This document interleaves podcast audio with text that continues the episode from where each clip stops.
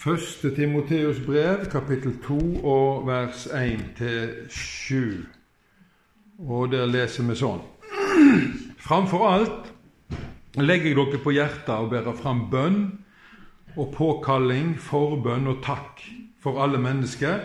Be for konger og alle som er i leiende stillinger, så vi kan leve et stilt og fredelig liv med Guds frukt og vørdnad, vil si altså respekt i alt vi gjør. Dette er godt og noe Gud vår Frelser gleder seg over. Han som vil at alle mennesker skal bli frelst og lære sanninga å kjenne. For Gud er én, og én mellommann er det mellom Gud og menneske, mennesket Kristus Jesus. Han som gav seg sjøl som løsepenge for alle. Og Det var et vitnemål da tida var kommet. For det vart eg sett til herold og apostel. Eg sier sanninga, eg lyg ikkje. Eg er ein lærer for folkeslag i tru og sanning. Hellige Far, helga oss i sanninga. Ditt ord er sanning. Jesus han snakket mye om å be. Og han likte å be. Han ba ofte. Tidlig om morgenen, før sola sto opp, sto Jesus opp. Og da kunne han be i timevis før dagen begynte, for de andre. En har sagt det sånn Jesus ba i timevis, og så brukte han bare sekunder på å utføre et mirakel. Mens vi ber i sekunder og får aldri til å utføre et mirakel. Vi skjønner sammenhengen. Patrick Johnston sier når menneskene jobber, da er det menneskene som jobber. Når menneskene ber, da er det Gud som jobber. Og det er en stor forskjell på. Vi må forstå at bønna lader oss opp åndelig. Når du har en mobiltelefon, så står den støtt og stadig på lading. Hvis du ikke lader den opp, så dør han ut, og du får ikke kontakt med et menneske. Sånn er det med ditt åndelige liv òg. Hvis du ikke ber, så dør ditt åndelige liv ut, og du får ikke kontakt med Gud før han gjør et mirakel i livet ditt og vekker deg opp igjen fra de døde. Sånn er det bare. Og det er tusenvis av kristne som går rundt og er egentlig åndelig steindød fordi de ikke lar seg opplade i bønn til Gud. Bønna er selve kontaktpunktet mellom oss og Gud. Det er der vi møtes. Det er der kraftoverføringen skjer. Det er der kjærlighetsoverføringen skjer. Det er der gledesoverføringen skjer.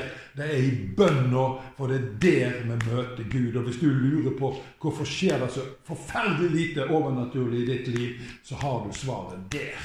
Du er for lite i kontakt med Gud. Det blir for smått, det som du henter ut av Gud. Men begynner du å øke kontaktflaten mellom deg og Gud, så blir du åndelig opplada. Du vil komme til å gå inn i en overnaturlig livsfase. Dette er forklaringen på hvorfor Guds rike også stagnerer og går tilbake i Norge, og også på Stord. Det er vi kristne som har for liten kontaktflate med himmelens Gud. Det blir for lite overføring. Og da vet vi hvordan tinga fungerer. Hm. Kristne forstår ikke at de blir opplada åndelig i bønn, men vår fiende djevel, han forstår det. Han forstår det veldig bra. Og Derfor så setter han alt som han kan, inn for å forhindre at kristne begynner å be. Han gjør de busy med alt mulig andre ting som er spennende og interessant. Ungdommene skal game. De voksne skal jobbe. Pusse opp. Nordmenn har tusen oppussingsprosjekt hele tida. Ingen pusser opp sånn som nordmenn. Og kristne pusser opp på samme måte som ikke-kristne. Du får ikke tid å be for jeg skal bli ferdig med oppussingen min. Det er en djevelsk strategi. Og jeg må bli ferdig med det ene, og jeg må bli ferdig med det andre. Og hva skjer? Kontaktflaten blir så liten at det blir ikke noe kraftoverføring fra himmel og inn i ditt liv.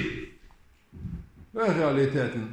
Og hva skjer så? Det blir ikke noe resultat av livet ditt. Du fører ikke et eneste menneske til omvendelse. Du overfører ikke helbredelse til et eneste menneske. Fordi du ikke ber. Dere har ikke, sier apostel Jakob, fordi dere ikke ber. Og Det betyr ikke at vi ikke sier 'Kjære Gud, hjelp meg i dag', amen. Det er ikke det. Men dere har ikke bønnens kontaktflate, betyr det. Det er der problemet ligger. Dere har ikke bønnens kontaktflate. For da kreves det litt tid. Du må ta det litt tid med Gud for å komme deg igjennom støyen i ditt eget hjerte. For det er så mye støy inni deg og meg. Og den støyen, den drar oss i alle retninger. Så vi må ta den tid det er nødvendig for oss å komme oss gjennom støyen i sinnet vårt, som er skapt av denne verden. Mange prioriterer Gud så lavt. Jesus sier 'søk først Guds rike og Hans rettferdighet', så skal du få alt det andre som du trenger i tillegg. Men du får ikke Guds rike hvis du ikke søker det først. Søk først, sier Jesus. Da skal den høyeste prioritet i ditt og mitt liv å ha hjertefellesskap med Gud. Og tenk at du får lov til da å ha et hjertefellesskap med Han som skapte himmel og jord. Det er en fantastisk gave. For du skjønner, bønner er en gave fra Gud. Det er Selvfølgelig så handler bønn om tjeneste og oppgave, men først og fremst så er bønna en kjempestor guddommelig presang. Du får lov å connecte med Gud. Og for at du skal få lov å connecte med Gud, så måtte Jesus gi sitt liv og blod. Han betalte for tilgangen. Og Da er det fantastisk at vi norske kristne finner grunn til ikke bruke den gaven maksimalt. Men vi er utsatt for et bedrageri. Ingen taper på å be. Folk som ber, vinner alt. Vi kobler oss vår ånd med Guds ånd når vi ber. Verden trenger folk som er kobla på Gud, fordi verden trenger Gud. Og for egen, vår egen del så trenger vi å være påkobla Gud, fordi det er det vi er skapt til. Vi er skapt til dette samfunnet med Gud i himmelen. Meninga og hensikten med våre liv.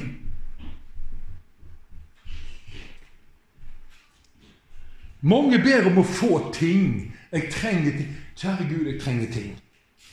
Det er ok. Men det er ikke nødvendig. For Jesus sier deres far i himmel vet hva dere trenger før, han, før dere ber han om det. Du trenger ikke be så veldig masse om ting for din egen del. Nei, her står det Be for alle de andre, står det. At dere bønnepåkallelser og takk For alle mennesker. står det. For andre enn deg sjøl. Ikke bare 'Å, kjære Gud, jeg trenger en bil, jeg trenger en sykkel, jeg trenger en datamaskin, jeg trenger, jeg trenger, jeg trenger, jeg trenger, jeg trenger, Kjære Gud, kan du ikke gi meg det? Nei, nei, nei, jeg vet hva du trenger. Slapp av med det. Men gå inn og be for din neste, for dine medmennesker. For alle mennesker. Hmm. Når du ber for deg sjøl, så be om styrke og fornyelse og frimodighet og kraft og ledelse. Da kan du be om. Da blir Gud happy. Og da, da trenger du mer enn alt annet som du tror du trenger. Det andre sørger jeg for. Du søker Guds rike først, så får du alt det andre i tillegg. Slapp av. Lær deg å slappe av. Far i himmelen ber deg om å lære deg å slappe av for alt sånt.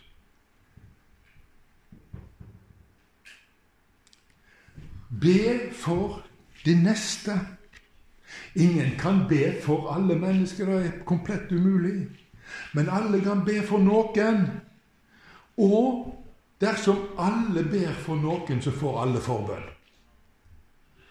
Så vi har vår familie, våre slekt, våre venner, våre naboer, våre arbeidskamerater og de som ellers Gud sender i vår vei, som vi kan be for det som Gud betrur oss. Når du ber for andre mennesker, så berører du Gud på en sånn måte at Gud berører deg. I 1983 så fikk broder Andreas, han som grunnla Open Doors, Åpne dører, en tiltale fra Gud om å sette i gang en bønnebevegelse, en bønneaksjon, for at jernteppet i Europa skulle rives ned, og Øst-Europa skulle åpnes for kristen misjon. Dette var i 1983. Om det var Leonid Brezjnev som fremdeles rådde grunn i Øst-Europa, det husker jeg ikke, men det kan godt hende så setter broder Andreas i gang denne bønneaksjonen som spredte seg over hele verden. Og folk i alle land gikk til Gud og sa 'Riv ned dette jernteppet i Jesu Kristi navn'. Disse folka der øst, de trenger evangeliet. De trenger at det skal bli etablert menigheter. Gode Gud! Og i 1985 så kom Gorbatsjov på banen.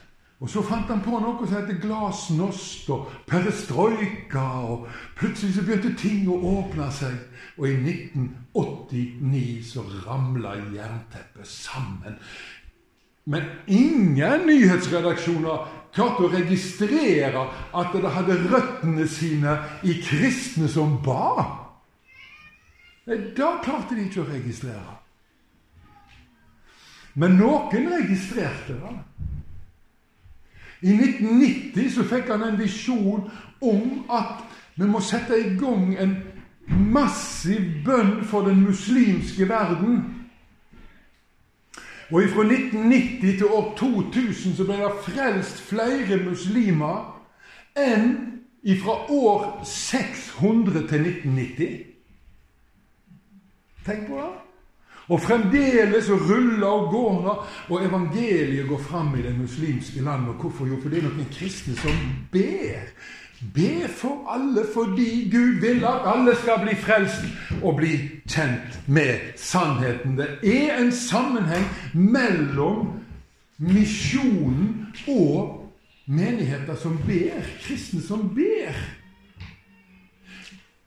Og den, den forholdet der er så sterkt at vi får en følelse av at bønna er den egentlige jobben.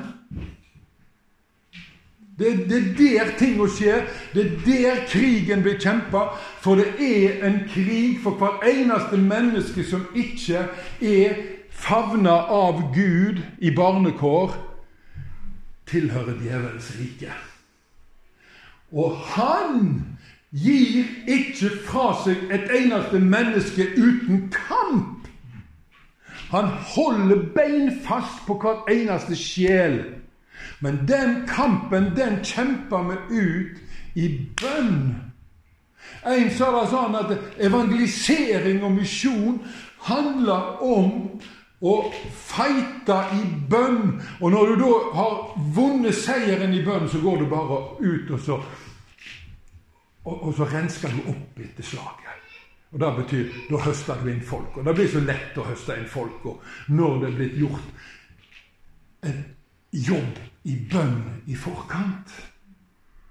Hvis vi ikke har gjort den jobben, så får vi ikke napp.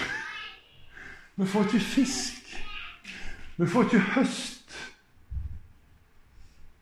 Og Det er derfor Gud legger oss på hjertet i dag. Framfor alle ting be! Første prioritet i ditt liv, det er bønn. Hva det betyr, da må du på en eller annen måte avgjøre for din del. Hva det betyr for deg å sette bønn som første pri. Det blir på en måte det valget som vi må ta. Men vi skjønner hva Gud i himmelen mener. Og for de fleste av oss så betyr det at vi må gjennomtenke vårt bønneliv helt på nytt igjen. For de aller, aller fleste. Hvordan tilnærmer jeg meg min Gud? Hva må jeg prioritere vekk? Fordi at alle kloke folk forstår at skal du prioritere noe, så må du prioritere noe vekk. Og som vi har vært inne på, de fleste prioriterer vekk bønna og så prioriterer de noe annet istedenfor. Og du vet hva som er lett for deg å prioritere framfor bønn. Du skal bli litt tøff med deg sjøl der. Nå skal du sette til side noe av dette her som du syns er så innmari gøy og viktig å holde på med. Renske det litt unna. Så skal du gå til Gud og skal du si takk for at jeg i hele tatt får lov å komme til deg for at jeg får ha denne kontakten med deg. Jeg er så takknemlig for Jesus, som har åpna dørene helt inn til deg, Gud.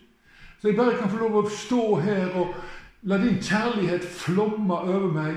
Og så kan du få lov å høre på meg litt. Vil du høre litt på meg, Gud? Sier Gud, ja, jeg vil høre på deg. For du er så kjær for meg, og jeg hører gjerne på hva du sier. Jeg har en mistanke om hva du har lyst til å si, men la meg nå få høre det likevel. Og så er det et kjærlighetens liv som utspenner seg mellom deg og din Gud. Og du kan skjønne at det vil komme til å prege deg. Og så vil det blitt en sånn stor glede for deg. Du vil komme til å kjenne deg så mye mer happy når du har oppnådd å få en bredere kontaktflate med Far i himmelen. Mye mer happy. Og så blir du sterkere i Gud så opplever du flere mirakler. Og så opplever du å få flere gaver, nådegaver fra Gud, som du kan fungere i. Så da begynner livet ditt å bli betydelig mer interessant.